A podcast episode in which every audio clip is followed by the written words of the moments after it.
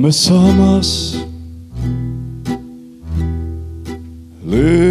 Чинуиме Мударде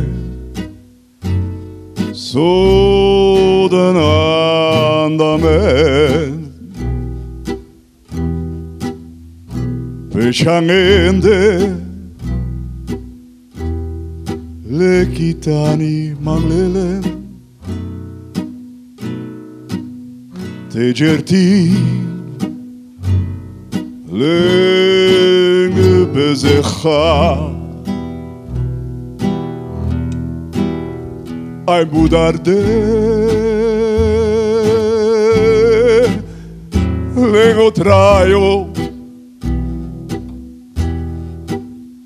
Dar de Lenge stato. Hay lego I pay a Sam samudar delen, len Per Tutar Gindor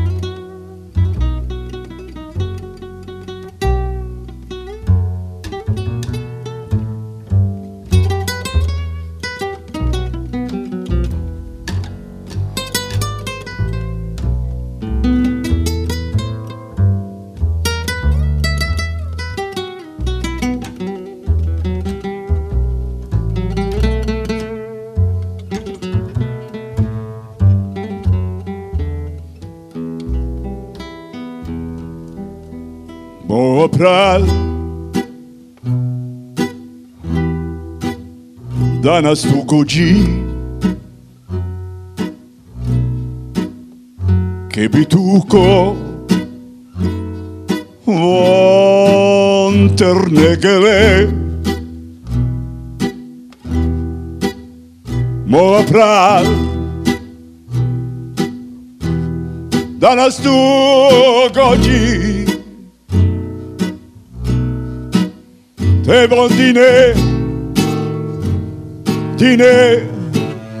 vem o traidor. Oh, Bodine, Dine pegou traio. Ai, pegou o.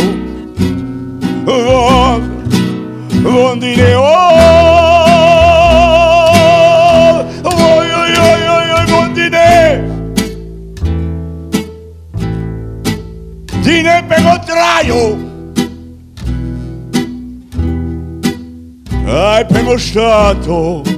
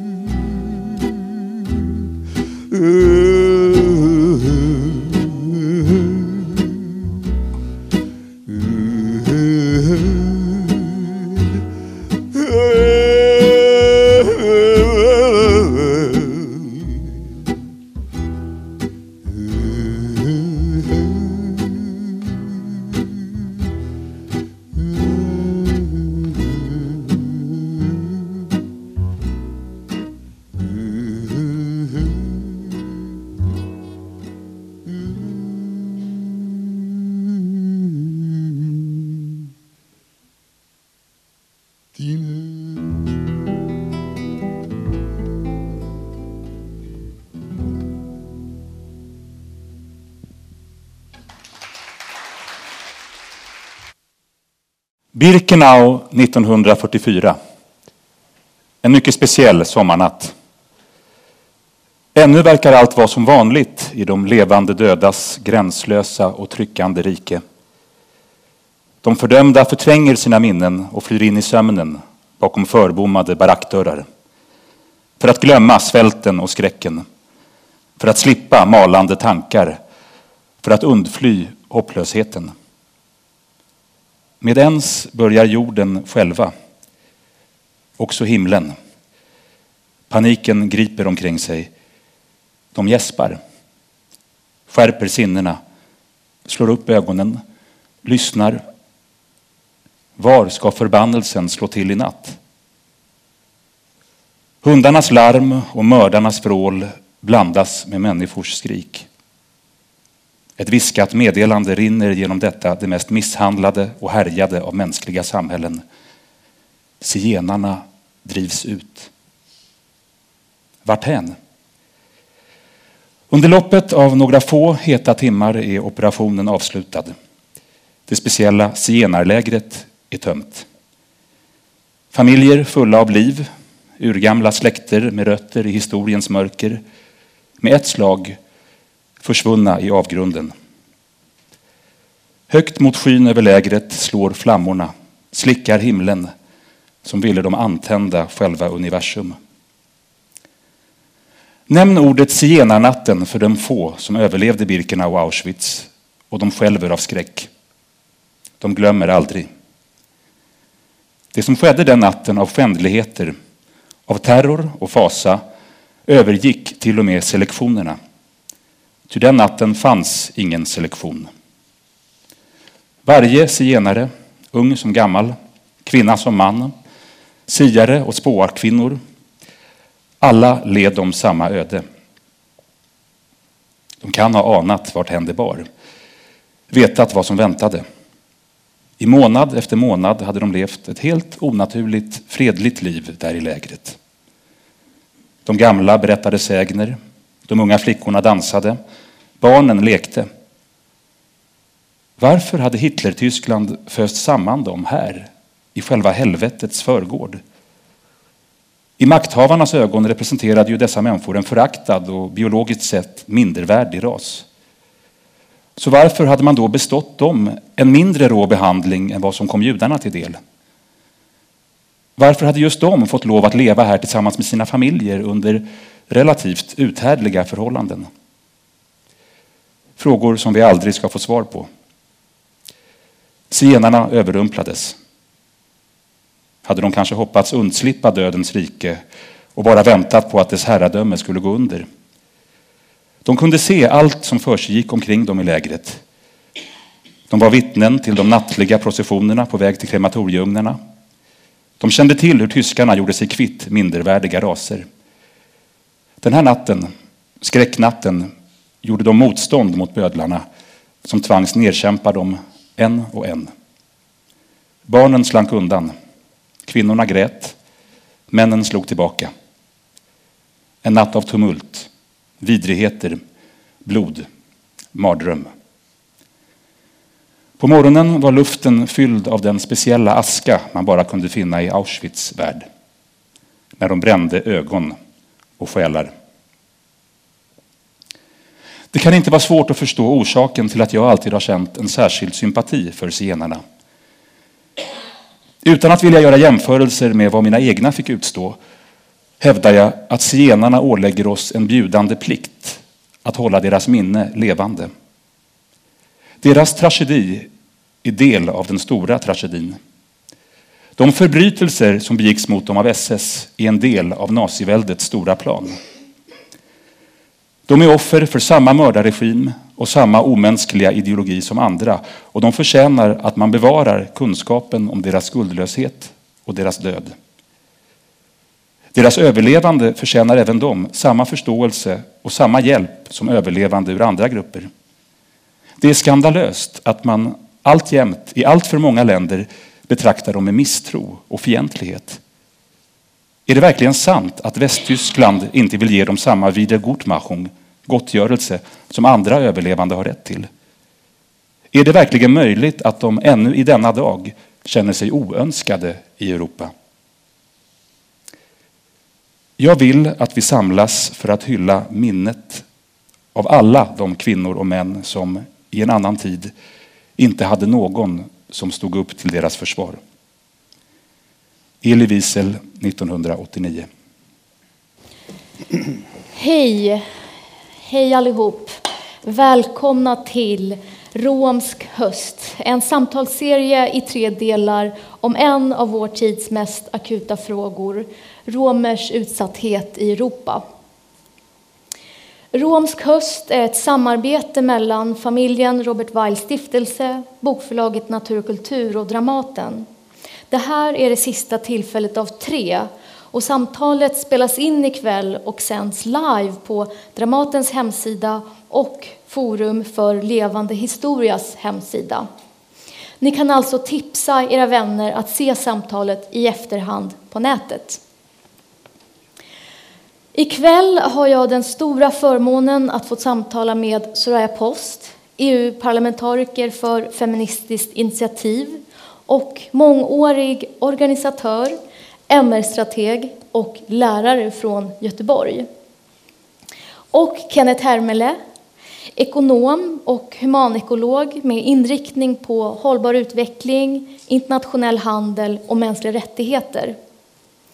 Vi kommer att prata i ungefär 45 minuter. Därefter tar vi gärna frågor och reflektioner från publiken. Mitt namn är Laven Motadi. Jag är förläggare på Natur och kultur och har skrivit boken om Katarina Taikon, Den dag jag blir fri.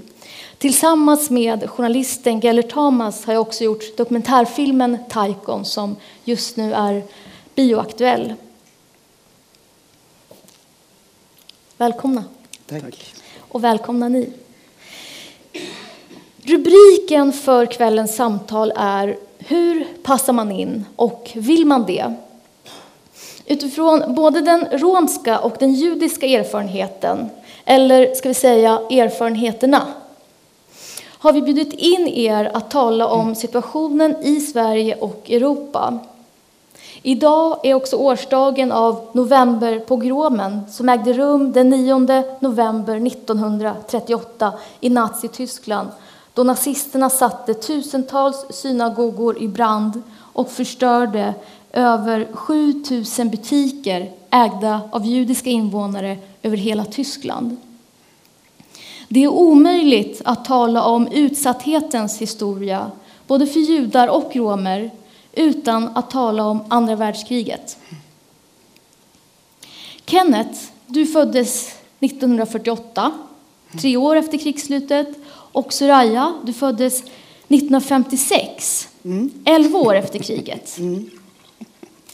Jag vill börja med att fråga er, på vilket sätt var Förintelsen närvarande under er uppväxt?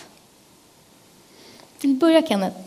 Alltså jag är ju inte bara född tre år efter kriget utan också årsbarn med staten Israels grundande. Så att i min familj var det en otroligt stark koppling mellan eh, förintelsen och det som skedde eh, under kriget som inte drabbade just min lilla familj väldigt starkt, men ändå, jag ska berätta lite mer om det. Men, eh, och att staten Israel kom till för att hindra att detta skulle någonsin kunna upprepas igen. Och den typen av koppling var man ju uppvuxen med hela tiden. Men sen är det också så att just kristallnatten, eller novemberpogromen, eh, har en väldigt speciell betydelse i min familj. För det var den, då mina farföräldrar och min pappa förstod att man inte kunde leva kvar i Berlin när de bodde då. Eh, fram till dess hade de tänkt sig att det här kommer nog att blåsa över eh, nazismen, de kanske inte stannar så länge. Och så. Men efter, eh, eh, efter kristallnatten så blev det helt uppenbart att det inte gick längre att stanna i Tyskland för dem. Och då var min pappa 16 år och då lyckades han ta sig ut. Och det som kopplar då till det här med hur man anpassar sig och inte fungerar i Sverige, det var ju det att det var ganska svårt att komma till Sverige då. Det fanns en starkt motstånd på, på den svenska ambassaden eller legationen i Berlin. Man ville inte låta judiska flyktingar komma till Sverige för man visste att de skulle stanna. Det var ganska svårt. Och hade inte min pappa haft sin moster boende i Stockholm så hade han aldrig kommit ut. Så att kristallnatten har en sorts, sorts, eh, som en sorts emblematisk betydelse i min egen historia och i min familjs historia. Men det finns också en liten knorr på det där och det är att när pöben drog runt där i centrala Berlin och skulle in i det hus där mina föräldrar, där min, förlåt, där min pappa och farföräldrar bodde, då stoppade portvakten dem och sa det här bor inga judar, ni kan gå vidare. Så att egentligen så räddas, jag hade inte funnits här om inte den där portvakten hade varit en hedervärd person och sagt att det här, här liksom, just här behöver ni inte ge er in. Men det var, den här, det, var den, eh, eh, det förloppet som var. Sen, så, eh, sen bodde jag i, på Lindvallsplan i Stockholm som var ett hus som var fullt av judiska överlevare. Så att hela det här med, vi sa inte förintelsen på den tiden, vi sa att folk hade suttit i läger. Man har varit i läger eller inte. Och hela huset var fullt av människor som var överlevare och, från förintelsen. Så att det fanns som en sorts underton hela tiden. Inte någonting man pratade mycket om, inte någonting man frågade om, men det fanns en väldigt tydligt sådär att det här var människor som hade varit med om någonting som, som för barn var det nästan, för mig som barn var det nästan obegripligt. Det var någonting som man inte riktigt, man vågade inte fråga om det. Frågade du någonting? Nej, jag tror att jag ångrar nu så många gånger som helst allting man inte frågade om. Men allting man bara förstod fanns som någon sorts outtalat.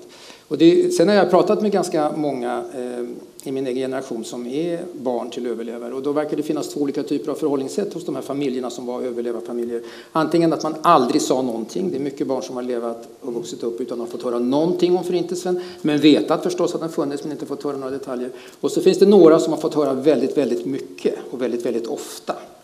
Så att det verkar ha funnits två strategier hos hos en del överlevare som har antingen för mycket eller eller för lite.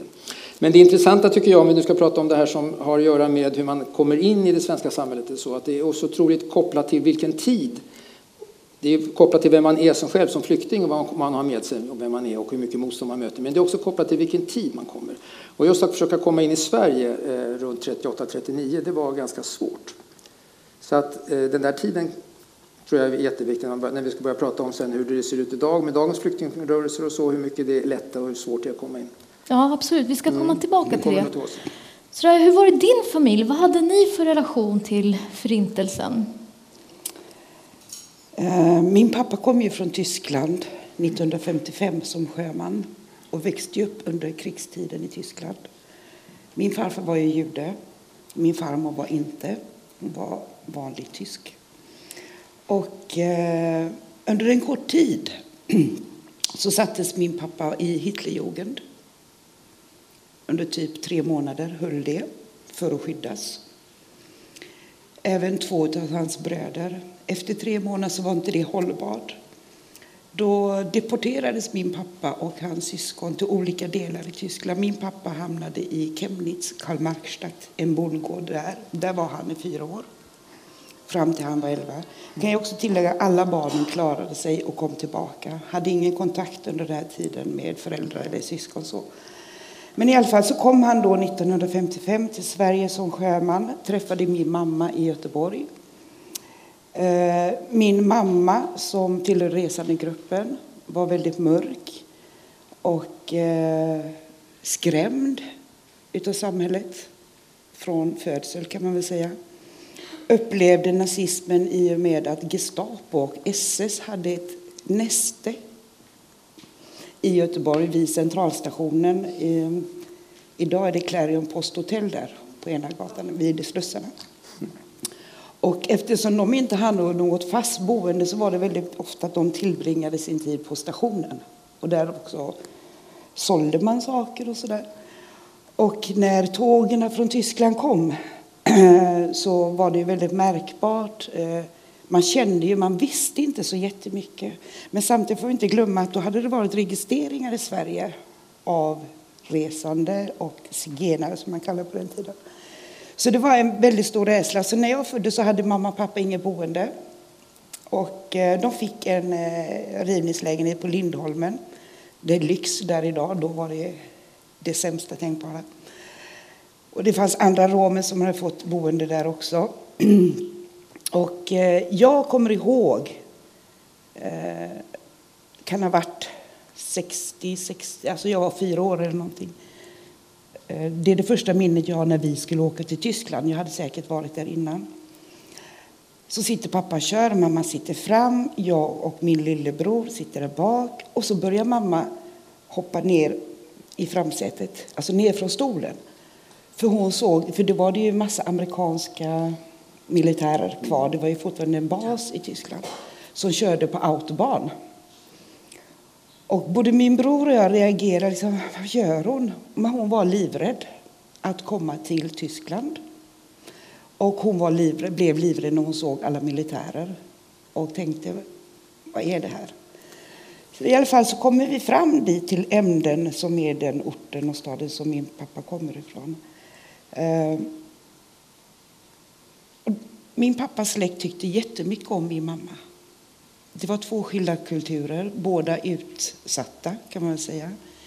Men jag vill också säga vi pratade inte särskilt mycket om det. Jag tror att vi två gånger så har jag hört berättelsen om min pappa. Jag hörde att min farfar blev eh, satt på läger vid Holland, nära, för det, Emden ligger väldigt nära holländska gränsen. Så det var inget riktigt koncentrationsläger, det var nog mer ett arbetsläger. Och så vet jag att stor del av min farfars släkt blev dödade, förintade så att säga. Min farfar klarade sig, han kom undan. Om det var Röda Korset eller om det var några ambulanser eller någonting. Det gick inte att fråga om det här, det var väldigt känsligt. Det var någonting som man förträngde och man hade klarat av att överleva. Men i alla fall, han körde de här, ambulans kanske det var, och klarade sig också genom kriget.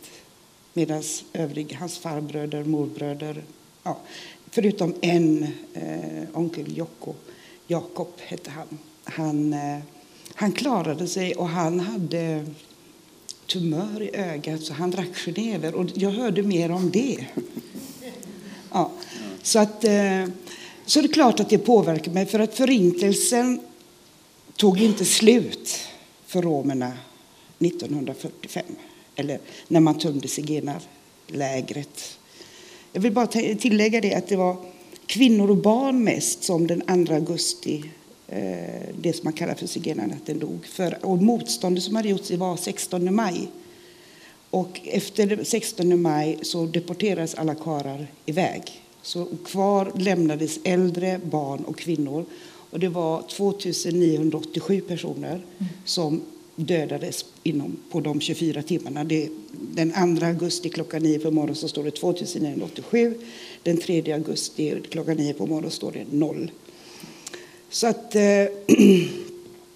ja, jag sa ju det, förintelsen har inte slutat och den har inte gjort det ännu. Den är bara mer sofistikerad. Jag skulle vilja påstå att de flesta romer runt om i Europa förs in i tortyr och lever större delen av både fysisk och mental tortyr idag.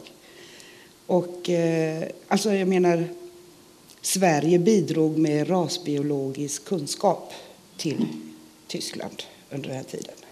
Sverige var det första landet som hade ett sånt här institut. Vi ska komma tillbaka ja. till dagens situation.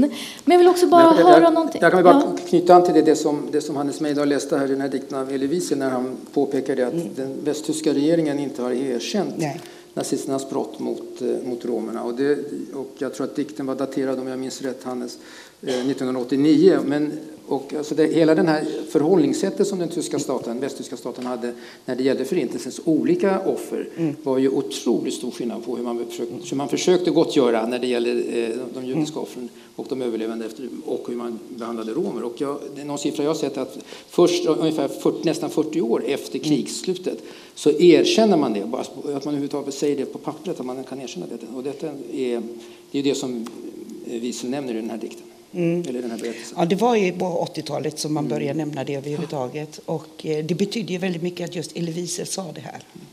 Eh, Det hade väldigt stor betydelse. Kan jag tillägga att den första minnesstenen eh, om romernas förintelse sattes 2012 i Berlin. År 2000 så fick romerna en paviljong i Auschwitz som ett museum. Det var först år 2000. Jag kan också tillägga idag så finns det ett koncentrationsläger i Tjeckien i en ort som heter Letti där man har byggt en grisfarm sedan lång tid tillbaka på lägret.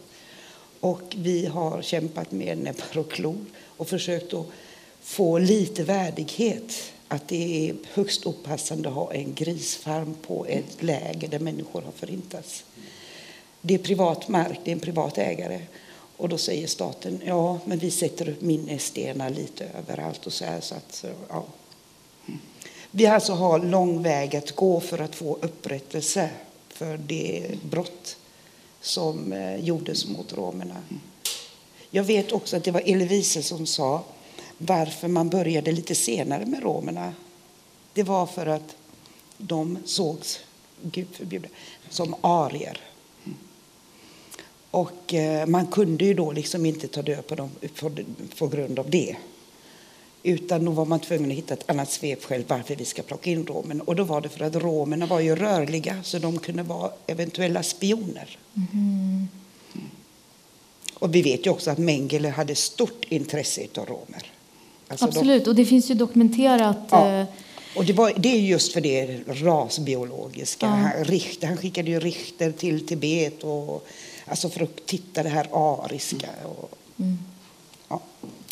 Om vi bara går tillbaka till eh, er egen uppväxt. Du här i Stockholm, Kenneth, och du i Göteborg. Hur, vad växte ni upp i för eh, miljöer? Ja. Jag hade det problematiskt.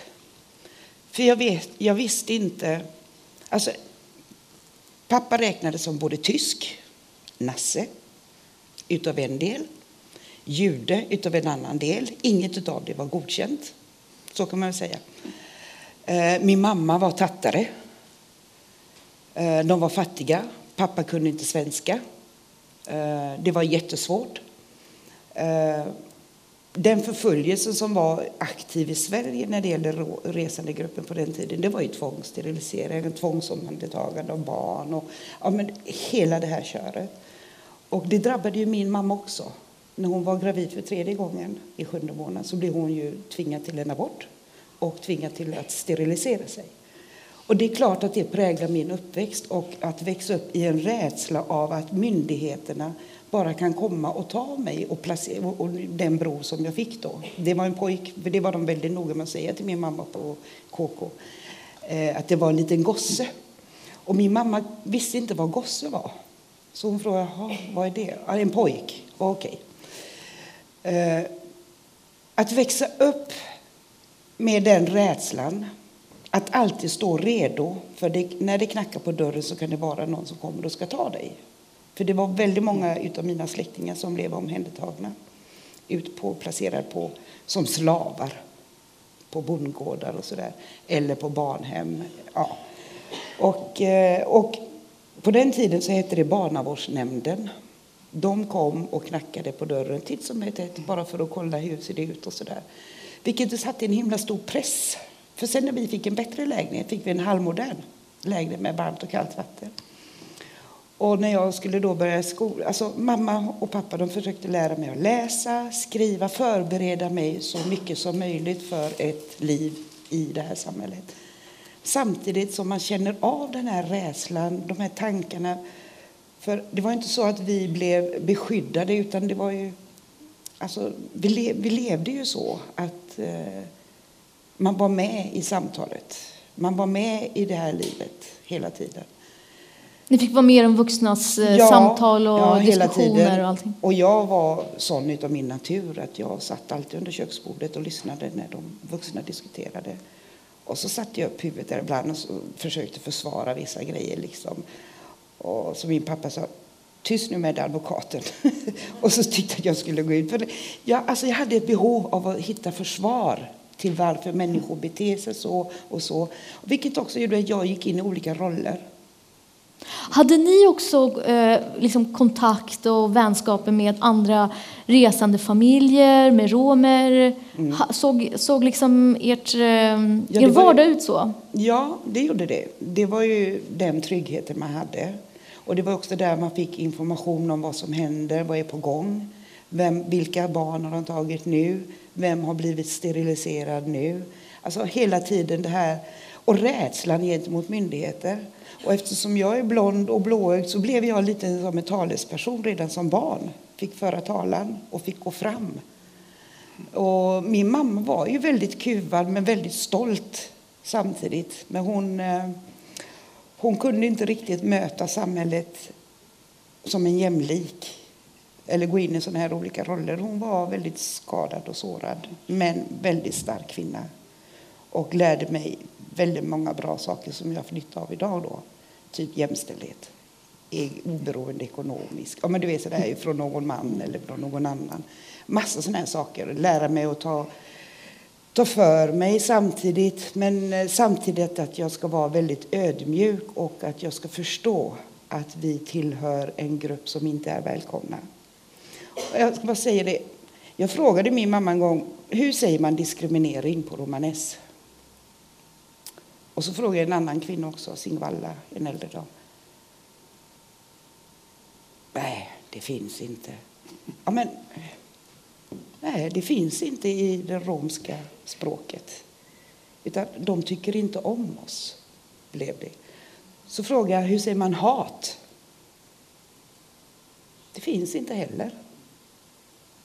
Vi har inte hat i vårt vokabulär. Utan då blir det samma sak.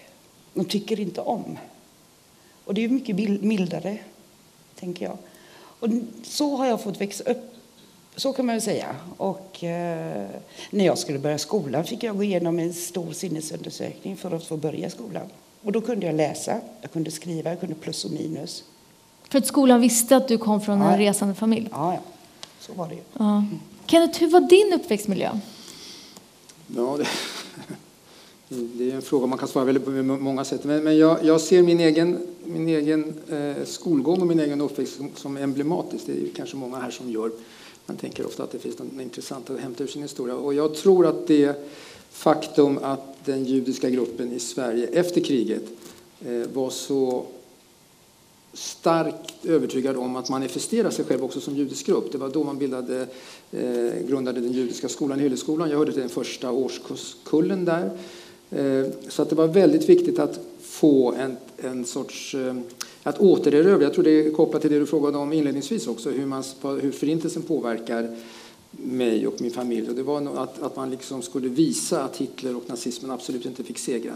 Utan även kulturellt, religiöst. Eh, inte bara det att staten Israel kom till utan också att vi skulle liksom återerövra både, både hebreiskan, den judiska historien, eh, religionen och så vidare.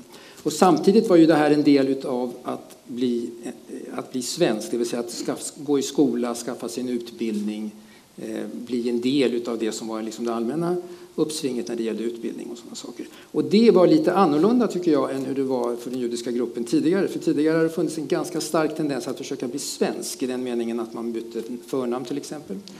Eh, Det var väldigt vanligt med min favoritnamn där. Det är en av våra stora mecenater från Göteborg som heter Jutilda. Jutilda Fürstenberg. Jag tycker det är ett fantastiskt förnamn. Eh, mitt eget namn tycker jag också är emblematiskt. Eh, efter kriget, man skulle ha ett namn som man kunde, ett bra namn att ta med sig om man behöver fly igen. Eh, och man skulle ju fly västerut, man skulle till USA om man nu skulle någonstans. Så man undvek aktivt judiska namn? i, de- I den generationen. Om man sen tittar på den generation som kommer efter, efter mig så är det ju precis tvärtom. Då har det, då har det, då, där heter väldigt många av mina vänners barn, de har judiska namn. Så att, och deras barn i sin tur. Så att det där är något, då återerövrar man det här. Och jag tycker det är en del av det där. Alltså, Hilleskolan är ju en del av att återerövra, att kunna säga att man kan vara både svensk och ha en väldigt stark judisk identitet och visa det. Och så var det som sagt inte, tycker jag, eh, när man försöker se den här andra strategin för att integrera eh, sig i det svenska samhället när man var judisk invandrare eh, på slutet eh, av 1800-talet. Och, så. och det var ju det som gjorde också att det fanns en ganska stark kritik hos de första judiska invandrarna som kom på slutet av 1700-talet och framåt och som blev ganska så etablerade ganska snart. Och så kom det som brukar kallas för den östeuropeiska eh, invandringen då eh, hundra år senare ungefär, mitten och slutet av 1800-talet, eh, som, hade, som inte hade den här västeuropeiska sammanhangen som inte pratade tyska, eller danska eller svenska, som pratade jiddisch, eller polska eller ryska och som var eh, därmed svårare att integrera i det svenska samhället. Och då uppstod en, en, ett sorts problem för den judiska gruppen. Hur ska man ta emot de här människorna och få dem att bli en del av det svenska? Kommer de inte att göra det judiska lite mer apart i förhållande till det svenska? Så där fanns en oro hos den tidigare gruppen att den nya gruppen skulle vara. Så den här, man, man, brukar prata om de här som första kallas för västjudar, andra kallas för ostjudar. Eh, vi som föddes efter, efter kriget hade då, tycker jag, en, en, annan och eh, på det sättet, en, du sa att, jag kommer inte ihåg vad du sa, din barndom var inte så, jag hade en fantastiskt bra barndom tycker jag i Sverige. I Sverige, jag har inte haft en annan barndom, men jag tyckte det var väldigt, väldigt bra och väldigt fredligt. Jag hade, kände ingenting av att det där skulle kunna hända igen. Jag tror att mina föräldrar hela tiden hade den här förberedelsen för tentakler ute om det skulle hända, någonting liknande skulle kunna hända igen. För bägge mina föräldrar kom ju hit precis före kriget. Mm, okay. um... Ehm, Men jag måste säga, jag hade ändå en bra barndom. Uh, ja. ja. jo, men det hade jag. Uh, alltså, vi umgicks ju många. Uh, kärnfamiljen var ju inte bara mamma, pappa, barn. Utan det var mycket större. Och eh, alltså en överlevnadsinstinkt är ju också att se till så att man har det glädje eller att man ändå mår bra mitt i all misär om man säger. Annars så skulle vi nog inte klara av att sitta här idag tänker jag. Och sen så gick det bra för mig i skolan ändå. Men när jag tänker tillbaka så, så kan jag se bilder av olika situationer, hur jag reagerade på grund av vissa saker och vad som hade relevans för mig. Jag vet inte, jag har, kanske flera känt för jag har berättat det någon gång. Till exempel Lucia. Det var det svenskaste man kunde bli. Och för mig var det oerhört viktigt att få bli Lucia. För då, då, då kunde jag känna mig mera mm. accepterad. Blev du det då? Ja, och min pappa han förstod det.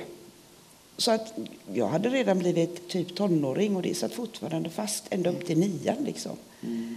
Då hade de riktiga luciorna sån här grå fårskinnspäls. Jag fick en sån. Bara för att kunna vara lucia där i nian. Och jag måste säga, jag mutade nog för att få bli lucia också.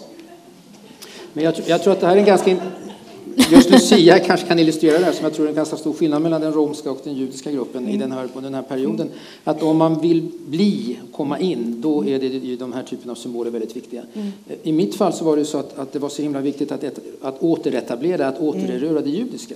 Så att det judiska och det traditionellt judiska, det var det som var min familjs stora grej. Så att jag istället för att bli då mm. svensk och så, så, var jag, så blev jag ju gjord kan man säga som en liten udda person i skola och sånt. Först gick jag i den judiska skolan, där var jag inte udda för där var, var vi alla judar. Men sen när jag hamnade på, på realskola och på gymnasium och så vidare så, eh, så eftersom jag höll kosher så deltog jag inte i matbespisning, jag åt ingen mat. Jag satt på fik varenda, alla skolor var ganska trevligt. Jag deltog inte i religionsundervisningen, eller kristendomen som den hette, för att jag, det, var, det var en religion som var främmande för mig. Och jag gick inte i skola på lördagar heller, så jag, var, jag införde femdagarsveckan väldigt tidigt, e-, e-, eftersom det var shabbat. Så att jag tror att alla mina skolkamrater måste ha tyckt att jag var en ganska udda person. Eh, Men accepterades det? Jag kände mig ganska så accepterad, men som sagt li, lite udda. Men, men, och så var jag en väldigt plugghäst också, så det, det bidrog väl till att man var så där. Jag vill minnas att Göran Rosenberg någon gång berättat att han var, att han var en liten pojke med, med starka glasögon och fiollåda under armen. Det är väl också lite udda, man liksom är man, någonting annat. Men, men för mig var det väl, allt detta är ju, är ju fött ur den här ur det judiska och, och av eh, att jag också var uppvuxen i en väldigt ortodox och traditionell miljö och att detta skulle eh, manifesteras. Och jag var väldigt eh, trygg och väldigt eh, konform i det. Jag, jag, jag gillar det där. Så att jag var, jag var ett, ett, ett, ett rabbinämne kan man säga, om ni förstår. Och, och, det, och det var jag väl ganska länge. Jag skulle vilja ta upp en, eh, en paradox eller en, någon slags motsägelse som finns. Alltså att å ena sidan så finns det, växer man upp med i en dubbelkultur eller man har någonting mer med sig än enbart det svenska. Så, å ena sidan så känner man att eh, det är inte bra att vara avvikande. Eh, det finns eh, kan bestraffas på olika sätt, du kan utsättas för regelrätt rasism. Å andra sidan så är det väldigt svårt att bli svensk. Det, svenskheten är någonting som skyddas väldigt starkt. Eh, och om du då inte ehm, uppfyller de krav som finns, till exempel att du ser ut på ett visst sätt eller har en annan religiös bakgrund eller vad det nu kan vara, så får du veta det med besked. Och jag undrar, hur ser ni på den här dubbelheten? Att å ena sidan ska vi liksom alla bli svenskar, å andra sidan så så är det väldigt svårt att, att, att acceptera som svensk om man till exempel då är mörk. Har ni några tankar kring hur det kommer sig att den där liksom, svenskheten är så skyddad? Vad är det som är så, varför är det så svårt att få bli svensk? Nej, men bygger inte hela den här frågan på tanken att, bara, att man bara har en identitet? Man är bara det ena eller det andra. Man är bara invandrare, eller man är bara svensk, eller man är bara jude, eller man är bara rom. Medan ju de flesta, tror jag, i alla fall gör jag det, jag tror eh, det är många som tänker att vi har flera identiteter. Och jag kommer inte ihåg vem det var som sa det första gången, att man är 100 procent jag är 100 procent jude, men jag är också 100 procent svensk och jag är också 100 procent internationalist och jag är 100 procent någonting annat.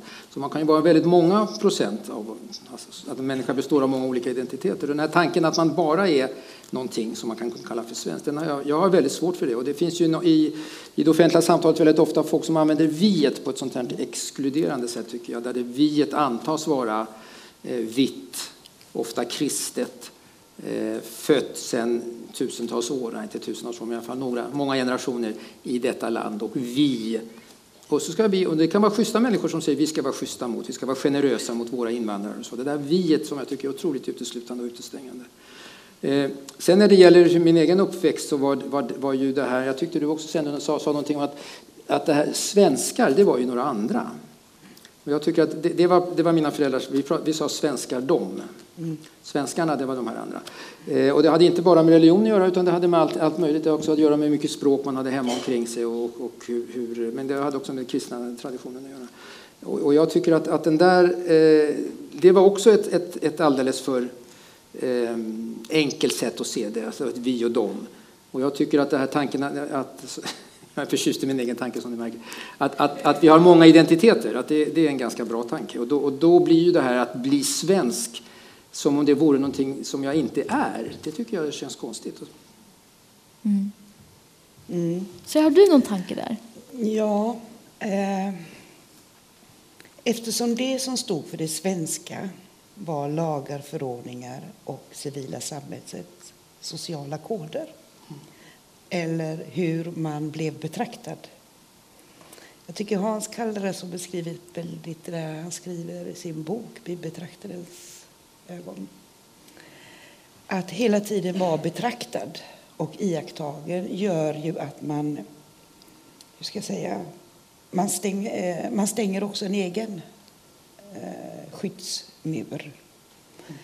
Och, eh, och det är ju så att det måste ju vara de som förtrycker som öppnar upp först.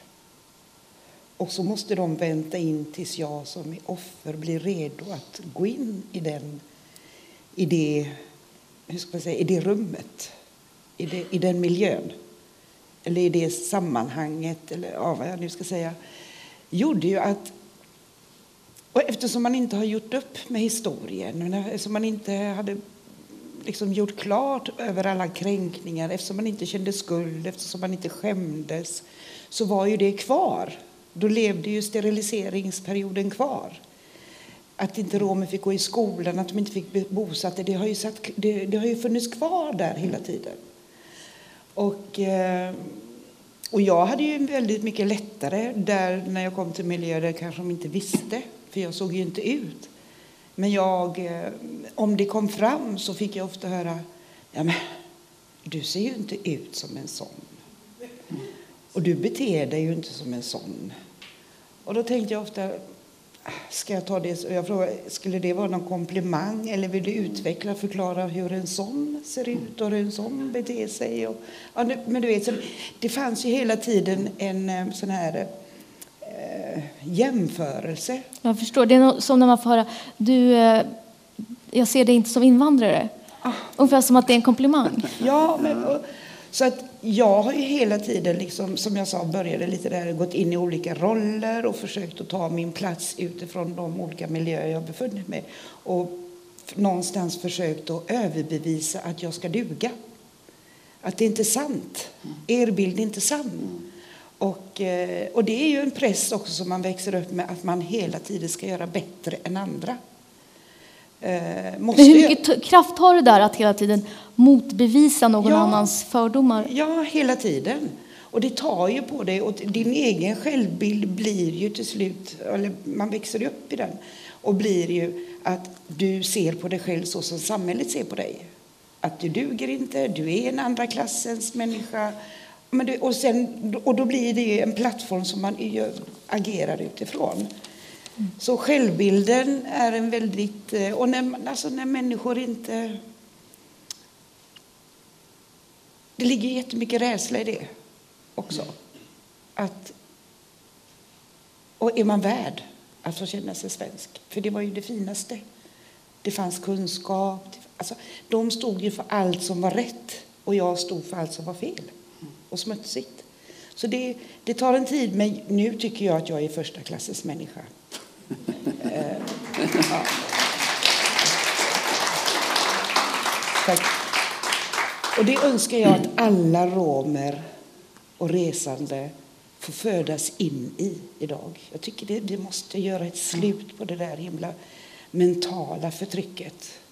Och jag hade väl hoppats att vitboken skulle vara en, ett verktyg i det. Ja, alltså på tal om dagens situation som jag tycker också att vi ska ägna tid åt.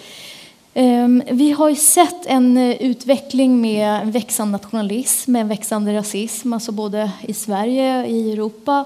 Vi har sett eh, antisemitiska terrordåd i Frankrike, i Köpenhamn. Ehm, vi har i Sverige också eh, polisens olagliga register över 4 700 människor med romsk bakgrund, varav en är du, Soraya Post. Ehm, och just nu lever vi i en tid av stark oro och i alla fall jag har en...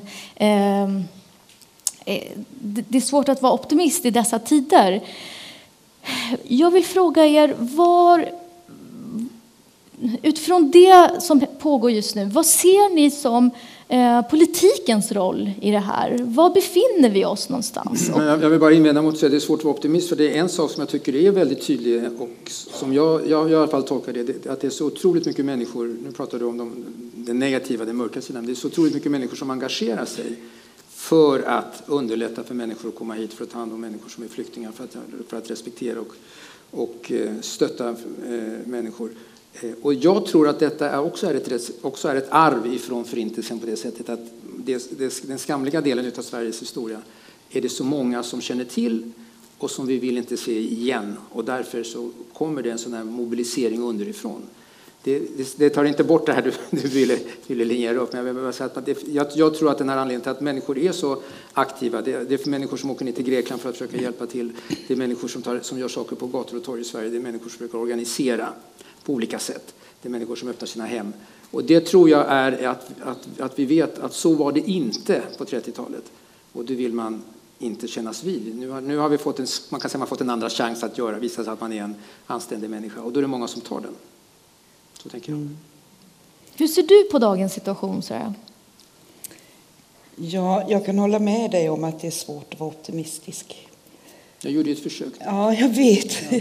Och det, det, är jättebra och det är alldeles nödvändigt. Och, eh, men politiken tar inte hand om den här kraften som civilsamhället underifrån visar. Det är en stark kritik till rådande politik. Mm. Jag tycker att politiken gör tvärtom. Jag tycker att de svänger allt för mycket åt det håll som både när det gäller språk och olika beslut som fattas bygger inte på den solidaritet, på den medmänsklighet, på den respekt för mänskliga rättigheter som jag förväntar mig i Sverige 2015. Och jag tycker att den allmänna opinionen har gjort flera ansatser till att visa riktning åt politiken, vad vi vill ha. Ja, Men den de, här starka- inte den. de fångar inte den. Och Den här starka solidaritetsrörelsen som har vuxit fram. Varför, eh, varför är det inga politiker som eh, lutar sig mot den och eh, sätter en ny kurs för någonting, alltså när vi befinner oss i det läge som vi gör? Varför saknas det i politiken? ja, Finns det några svar på det här? alltså, jag tycker att politiken är... Eh, Det, är många olika utmaningar, globala utmaningar som vi står inför. Och det finns också de här 20 procenten Eh, som sätter hård press, som syns i media, som får väldigt mycket tid, eh, uppmärksamhet. Eh, och det är inte bara i Sverige, utan det är alltså generellt i hela Europa så ser man att de här högerkrafterna växer sig starkare, sätter nivån på den politiska agendan.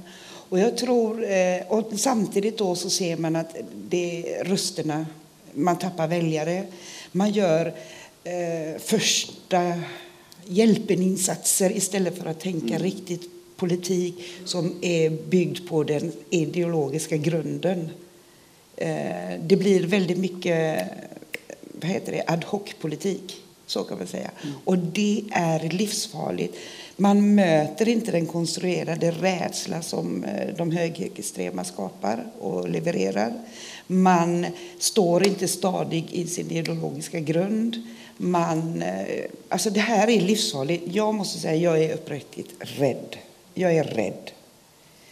Jag tänker att... Och så måste politiken måste fråga sig om de kommer in i större maktposition. Hur, ser vår, hur kommer vårt samhälle se ut? Vi måste våga tänka. Vi måste våga se tillbaka i historien hur de gjorde då. Och vad är det som gör att de inte skulle göra det igen? För det är samma ideologi det bygger på. Och det där, liksom, den här flatheten. Herregud, ser man inte? Eh, vi måste våga ställa de här frågorna och vi måste våga eh, använda oss alla krafter som finns för att motverka dem. Och vi måste tyvärr gå in i samma retorik för att kunna få bort dem. Vi kan inte fortsätta vara mesar på det sättet. Utan vi måste tuffa till oss i politiken, argumentera och använda kommunikation på det sätt som de gör och berätta för allmänheten vad är det vi riskerar när de kommer till makt. De är, alltså, jag skäms, för jag är svensk också. Jag är inte bara resande. Jag är svensk och jag är stolt svensk. Och jag var mest svensk tidigare när jag var utanför Sveriges gränser. Mm. För då var det ingen som kunde veta någonting. Och då såg jag ut som en svensk. Och, och du vet när Sverige spelar fotboll, heja. Men det, det, det var så häftig känsla att få göra det. Och jag har alltid under mina år som MR-aktivist och expert och kanske i mänskliga rättigheter på Europarådet och sådär grejer, profilerat Sverige. Och att Sverige har varit ett föregångsland. Idag är Sverige fast sämst i klassen nästan. Utifrån de förutsättningar man har. Det är skamligt. Och jag tänkte det, flyktingar. Från 1914 till 1954 så var gränserna till Sverige stängda för romer. Det får vi inte glömma. Och idag så avhyser man romer till ett liv som man vet inte är ett liv. Och, vi, och så har vi en Martin Wahlfrös som pratar om en halv miljon. Ska Sverige ta emot en halv miljard? Vi kan inte sörja för en halv miljard människor. Han pratar om alla EUs medborgare. Det vi pratar om här nu är 4 till 5 000 romer som kom från Rumänien eller Bulgarien till exempel. Som vi handlar om. De frågar inte efter lägenheter eller ekonomiskt stöd. De har till och med sagt, ge oss då en plats där vi kan vara. Mm. Kent, du sa tidigare i vårt samtal att eh, det har funnits med liksom som en tanke i bakhuvudet att var ska man åka nästa gång?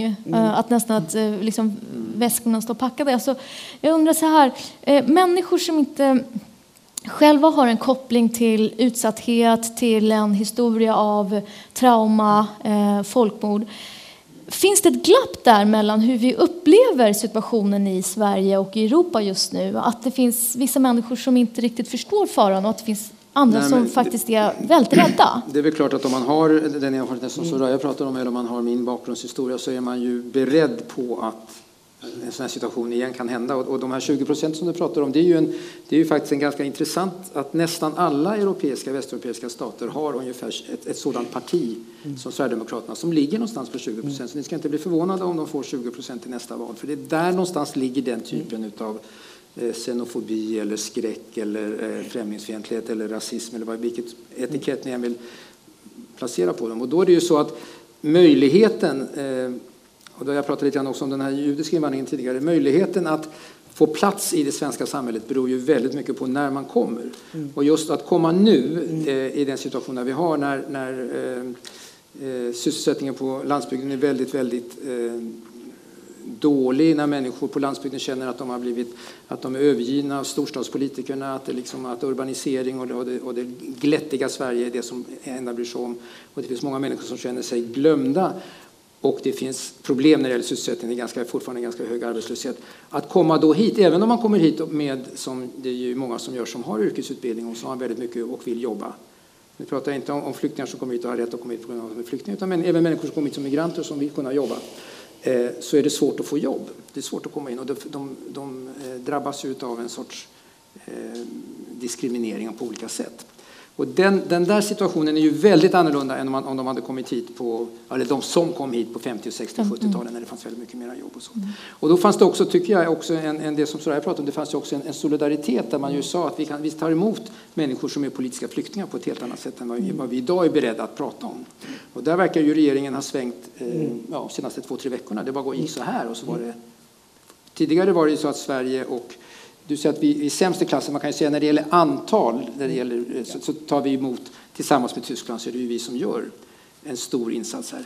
Men nu har det hänt någonting och nu säger ju Löfven och andra här, vi kan ju, vi kan ju inte ta emot alla, vad det nu betyder. Mm. Eh, och det är, ju, det är ju som Sverigedemokraterna pratar, ja. det, det, är ju att tala om, det är ett hot, nu kommer de mm. vällande, nu kommer miljonerna människor. Så. Istället för att säga att vi måste ta hand om de här människorna som har rätt att komma hit. Mm. Ja, språket är jätteviktigt, vad skickar det för signaler?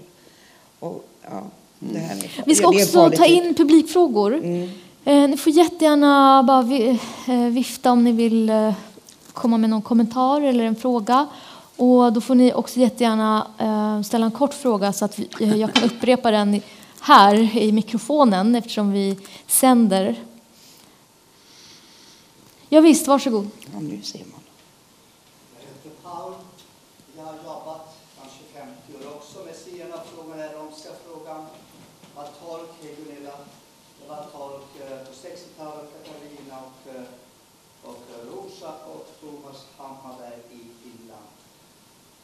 Suttit i Rumaniens eh, kommission för alltså krigsförbrytelser och education kommission också. Okej, okay. får jag, ursäkta mig, får jag be dig att ställa din fråga? Jag vet att jag är jätteotrevlig. Det att eh, eh, Soraya postar upp det här, det är den allmänna tankegången, trenden idag, att politiker lovar mycket, de pratar, det vill säga snackar mycket, men levererar lite, det är det vanliga.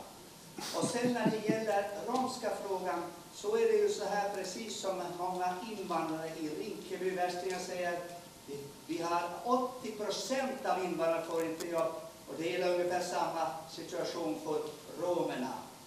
Den första som tog upp frågan och eh, permanent i Europarådet det var ju Finlands president Tarja Halonen. Och det Soraya Postas, har satt, satt i ett tv-program att Finland är det enda land som betalar för en sekreterartjänst, eh, alltså lön, i, i eh, Europarådet. Ursäkta mig.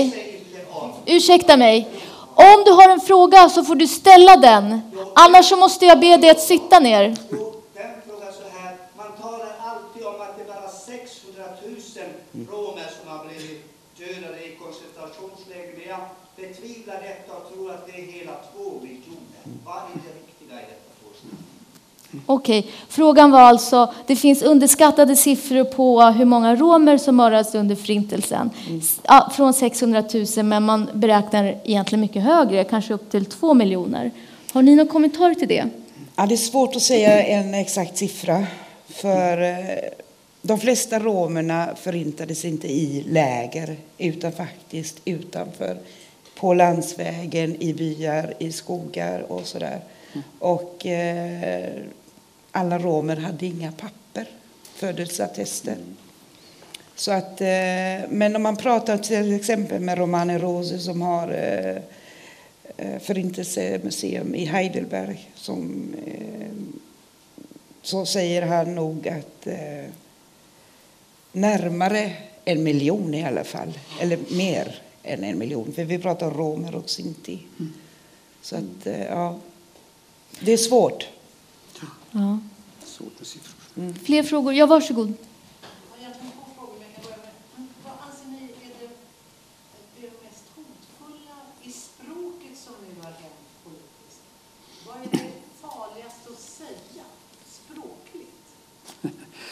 Jag, jag är väldigt... Får jag bara upprepa frågan?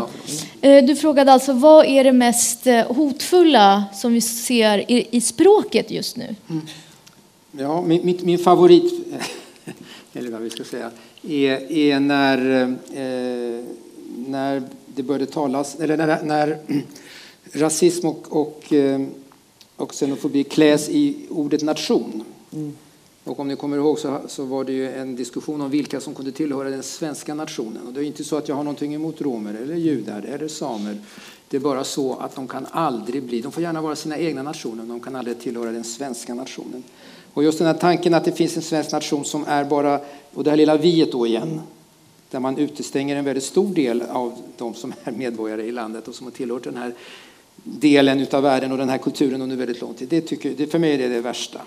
Ska vi också bara säga För att det, det... det, ja, vi ska säga vem det var snart. Men det, det gjorde att jag började packa min väska. Och då fick jag ju naturligtvis det stora problemet, vart ska jag åka då? Men, så. Det är Men- nästa problem. Ja, precis. Men, eh, mm. Ja, till exempel när man pratar om eh, flyktingkris. Eh, krisen ligger i att det är krig i Syrien. Mm. Ehm, till, exempel, eh, till exempel att man säger vi kan inte ta emot alla. Till exempel. Eh, EU-migranter. Det är helt fel. Det är EU, EU-medborgare som nyttjar den fria rörligheten migrerar inte. Till exempel, alltså, just nu är det lite hjärnsläpp, men eh, alltså, tonen, var man avslutar sin mening. Eh, och jag skulle påstå media är väldigt... Eh, alltså de avslutar ibland sina sändningar, eller sina, eh, vad heter det? Inslag, eller... inslag med en konstig frågeställning som lämnar ut en frihet av att som kan förstärka en rädsla som någon annan har påtalat utan svar på något sätt. Ehm, ja, uh, gud, jag brukar ha massa exempel. Vi kan ta din andra fråga också. Ja, den är lite mer komplicerad. Men om jag bara får säga kort att jag har sett eh, det nybildade judiska museet i Warszawa i söndags. Jag var där i fem timmar. Och där ser det väldigt ett fantastiskt pedagogiskt material och man har fått också ungdomarna att intressera sig för de utrotade människor man har gjort sig av med. Och det finns en judisk renässans nu i Polen och det är positivt. Nu har man gjort en väldigt tydlig koppling av ekonomi och eh, förföljelse. Och då måste ju man börja tänka så här. Finns det någon bra forskning, det är min fråga. Finns det någon bra ekonomisk forskning som visar sambandet mellan stöd av fascismen eller mot, eller när har kapitalet, det, det som nu styr, hela vårt tänkande, alla våra möjligheter, alla våra visioner, allt det som heter vi har inte råd. Finns det någon bra forskning som visar kopplingen mellan kap- kapital och våld? Jag vet att Sven Lindqvist var inne på det. Vi utrotar varenda jävel. Men Det finns, det finns ju ganska mycket forskning som handlar om hur nazisterna eh, fick stöd av det tyska storkapitalet under en väldigt lång period.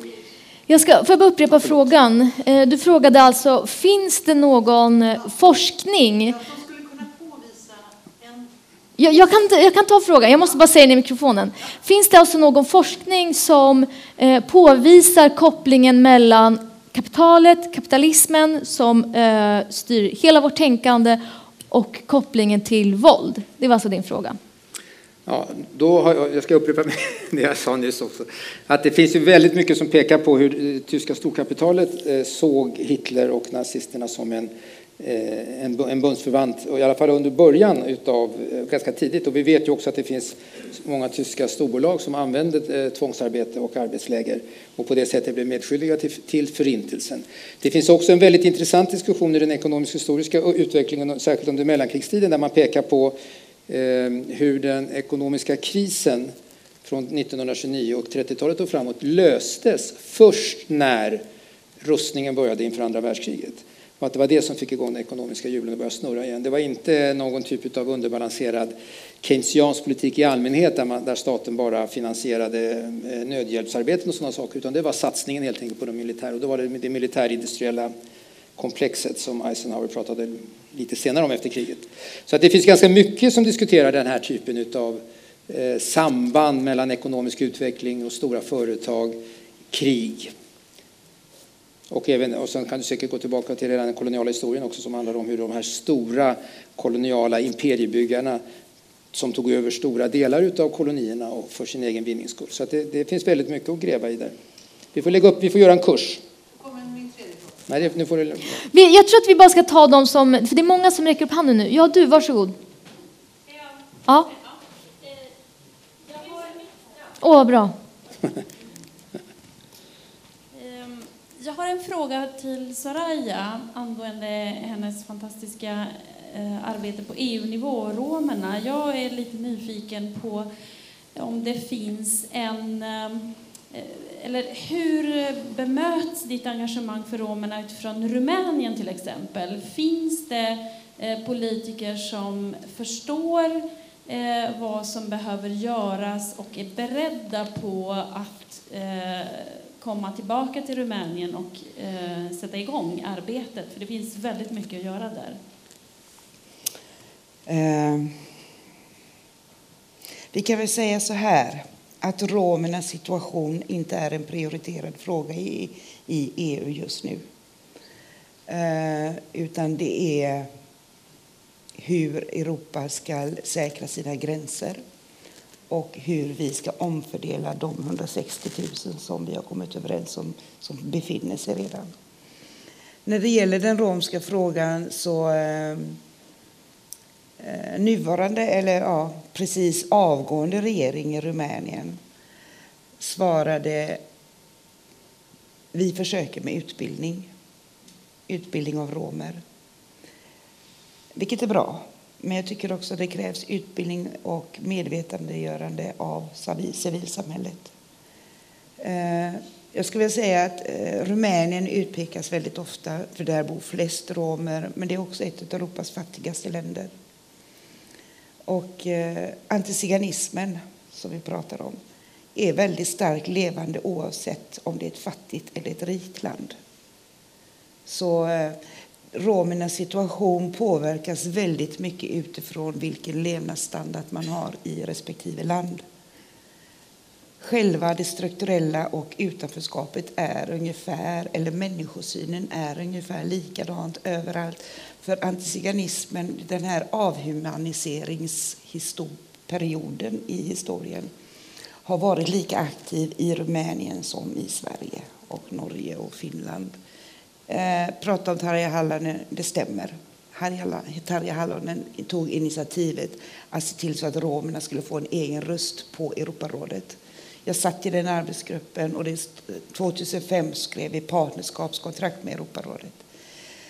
Eh, det vi gör idag på, eh, i parlamentet, som jag driver väldigt mycket, det är ju att allt måste ske utifrån mänskliga rättigheter.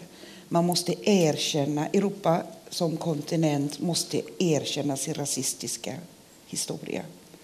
Vi är en främlingsfientlig kontinent. Vi har åkt ut i världen och tagit för oss av det vi kan. Kapital, ja, det är en maktfråga. Rasism bygger på makt. Eller det är en konstruktion utifrån en makt som styrs av kapitalism, om man ska säga så. Så självklart har det betydelse. Självklart när det finns högerextrema krafter som mäter, och liberaler också för den delen, som mäter allting i pengar och kostnader så väger det ofta så som man tänker, ska det kosta någonting från min egen plånbok?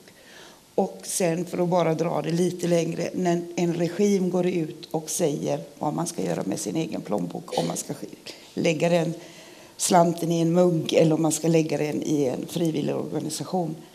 Alltså, ja, språket. Vi tar oss rättigheter idag som inte anstår en regim, så kan man säga, när det gäller vissa människor.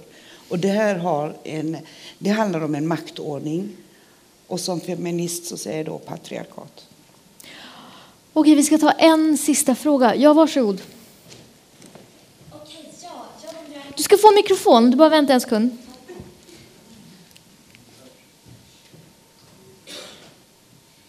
Jag heter Jasmin och jag undrar vad kan man göra, vad kan jag göra så att det inte förfaller i det här uppgivna och jag bryr mig men sen så går man och lägger sig eller tittar på tv och, eller rycker på axeln med sina vänner. Vad kan man visa någon riktning eller vad, vad finns det under tiden som inte medan man väntar på bättre tider? Just att inte vänta. Se till så att stå upp. Tänk på att du har ett ansvar. Om det nu är romer eller flyktingar från Syrien eller judar eller afrikaner, vad det än är som, är, som vi kallar för sårbara grupper. Det handlar inte om sårbara grupper. Det handlar om sårbara strukturer som inte räcker till för att ta hand om alla medborgarna. Stå upp för att vi är alla offer det som de högerextrema har att erbjuda, okej, okay, jag kanske blir hängd eller vad jag nu kan bli, men någon ska hänga mig också. Och arvet utav en sån här politik lever faktiskt vidare och påverkar alla i ett samhälle. Och jag tycker vi har ändå kommit så pass långt och vi måste förstå att vi måste hela tiden arbeta med det här. Det finns ingen tid att vänta eller vila. Det finns inte, tyvärr. Det, det har aldrig funnits heller egentligen. Utan det, och nyttja dina medborgerliga politiska rättigheter. Det är ett privilegium. Alla har inte det. Gå och se till att rösta, bli politiskt aktiv, bli civil, eh, vad heter det? civil right movement. Ibland kan jag vara engelska. nej, men, nej men alltså, alla vi kan alla göra någonting och det är just det som är det viktiga. För det som är farligast mot det här hatet och den här konstruerade rädslan som sprids, det är tystnaden. För det får legitimitet. De får legitimitet, även om de nu är 20 procent. Så låter det som de är 100 procent. Det är den bild och det språk som används. Och det är livsfarligt. Kenneth, vad säger du? Här fick du ju en lista från från att byta regering till att byta, ja. till att byta system. Så väldigt mycket. Jag tycker att det viktigaste man kan göra själv är att försöka stå emot det här som jag tycker är starkt när man ser så mycket tiggare på gatorna. När man vet att det kommer så mycket flyktingar. Man går ner och tittar på hur det ser ut på centralen eller på stationen. Vi vet att det kommer människor varenda dag och man kan bli blasé. Det tror jag, så att mitt, min enda råd till mig själv och därmed också till dig och till oss alla, det är att försöka låta bli att bli det. Och ett sätt tycker jag att låta bli det för mig själv, det är att att jag, att jag söker ögonkontakt med människor som jag träffar på gatan som tigger utav mig. Även om jag inte ger dem. När jag ger dem förstås, då säger jag ju lite vänligt, här får du fem kronor. Men även om jag säger jag har inga pengar, så säger jag det, jag har inga pengar. Mm. Och försöker få någon typ av kontakt med dem. Så att jag, och, det, det, är ju, det, är ju, det är verkligen ingen hjälp och det är verkligen inte att förändra någonting i systemet, men det är att behålla någon typ av relation, tycker jag, till, till människor som jag vill för att vi inte ska bli det där blasé så att vi inte orkar och titta bort bara. Ja, får jag bara säga det. Det har jag hört väldigt många som säger. Alltså, jag klarar inte av att se det här mer. Alltså, vem är det mest synd om mig som inte klarar av att se eller den som behöver sitta och tigga? Mm. Alltså, hur man vänder på saker och ting för att någonstans. Och jag, alltså jag klandrar ingen för att den här avhumaniseringen av romer och fattigdom överhuvudtaget som någonting fult som är något, inte i den här verkligheten. Det har vi blivit matade med. Och det är därför, och, och ingen kan, alltså om man inte är rom så är finns det inte någon endaste människa som kan identifiera sig med romer. Men judar kanske man skulle kunna identifiera sig med, eller en professor från Irak. Eller, du vet, de har mänskliga egenskaper som jag kan identifiera mig med. Men när det gäller romer så har man ju plockat bort det. Så majoriteten har svårt för att identifiera sig med en rom. Så vi måste bryta igenom det här som Måste- blivit matade med eh, Ja. avhumaniseringen. Ja, och, och tänka det liksom att eh, ett friskt samhälle behöver inga syndabockar, behöver inga offer. Vi måste kämpa mot ett friskt samhälle och vår uppgift är att sätta press på politiken. Tack Soraya. Tack Kenneth. Tack så hemskt mycket till alla er som eh, är här ikväll. Eh, jag ska också eh, säga att ehm, det finns eh, nere på kafébaren så finns det ett bokbord med massa bra böcker om ni vill gå förbi där och titta. Och sen så finns också Hans Kaldaras CD-skivor finns här till försäljning. Så det är bara att komma hit till hörnet efteråt så får ni jättegärna titta på dem. Ehm, nu så ska vi avsluta återigen med Hannes Meidal och Hans Kalleras. Tack så hemskt mycket.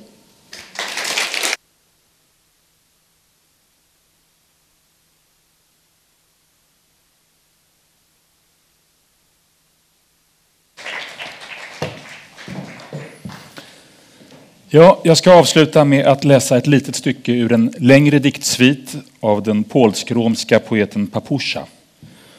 Och dikten i sin helhet bär titeln Tårar av blod, våra prövningar i Volynien under tyskarnas ockupation 1943 och 1944. Och det lilla stycke som jag läser är översatt från polska av Anders Bodegård. En gång hänger månen i mitt fönster. Jag kan inte sova. Någon tittar in till mig. Jag undrar, vem står där? Min svarta zigenerska, låt dörren gå upp för mig. Hon kommer in. Jag ser den vackra judinnan. Hon darrar. Hon skakar hela hon. Hon ber att få något att äta. Stackars du, min judinna. Jag gav henne bröd, allt jag hade och en liten särk. Papusha.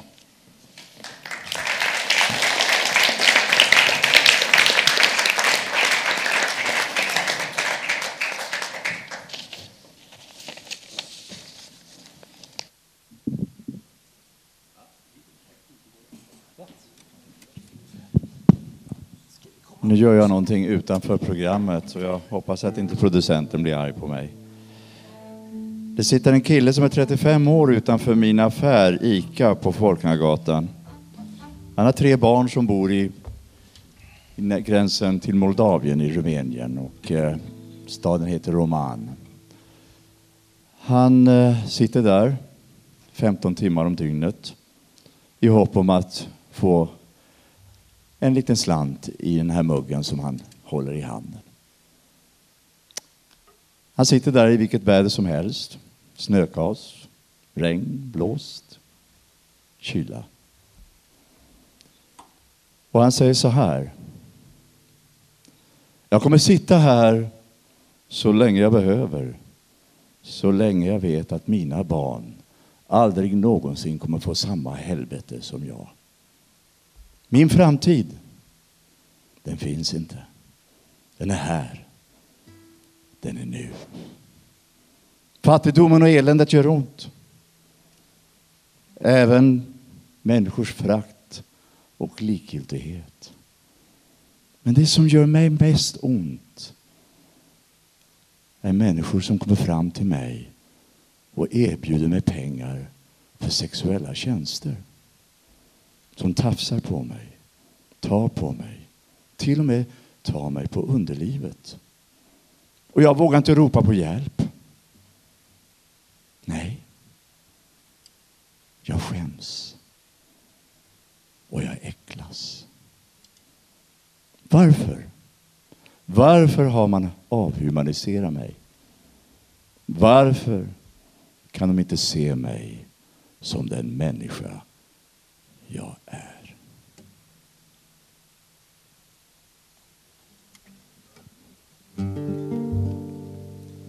Min hand, den darrar inte mer. Den drar mig åt. Och i djupet finns inget mer som får mig rädd. Jag har mitt liv och min själ som gör mig stark. Ingenting kan slå mig ner för jag har mitt liv Bland alla drömmar som jag drömt finns en som ser. Ingenting kan slå mig ner för jag vet vem jag är. Jag ser den framför mig. Den är vit som snö. Jag kramar den med min hand. Då den får mig le. Inga rädslor har jag kvar som får mig svag. För jag har min kraft och min själ som får mig se. Ingenting kan slå mig ner och få mig svag. Jag har min kraft och min själ så ta min hand.